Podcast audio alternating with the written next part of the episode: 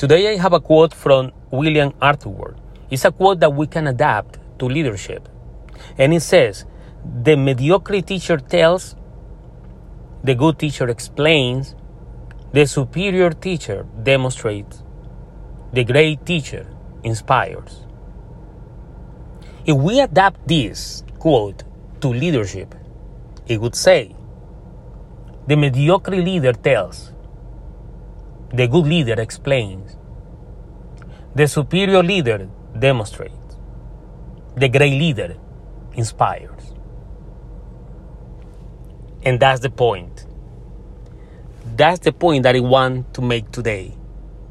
You can recognize what type of leadership you have in your organization because either tells, explain, demonstrates, or inspire.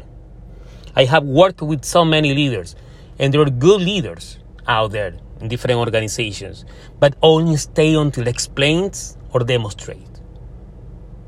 The worst leader to work for is the one who gives only orders and tells what to do. It doesn't explain and doesn't demonstrate. But the great leaders you can work with is the ones who inspire people to take action to achieve a goal. That's the role of a great leader is to inspire people around them to take action that help them achieve organizational goals.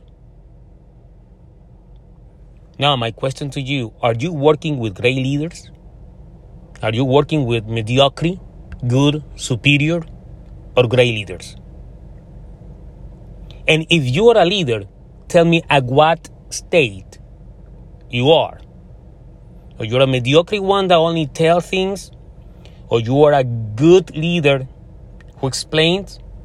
You're a superior leader who demonstrates how things are done, or you're a great leader who inspires your people to take action and go for the best.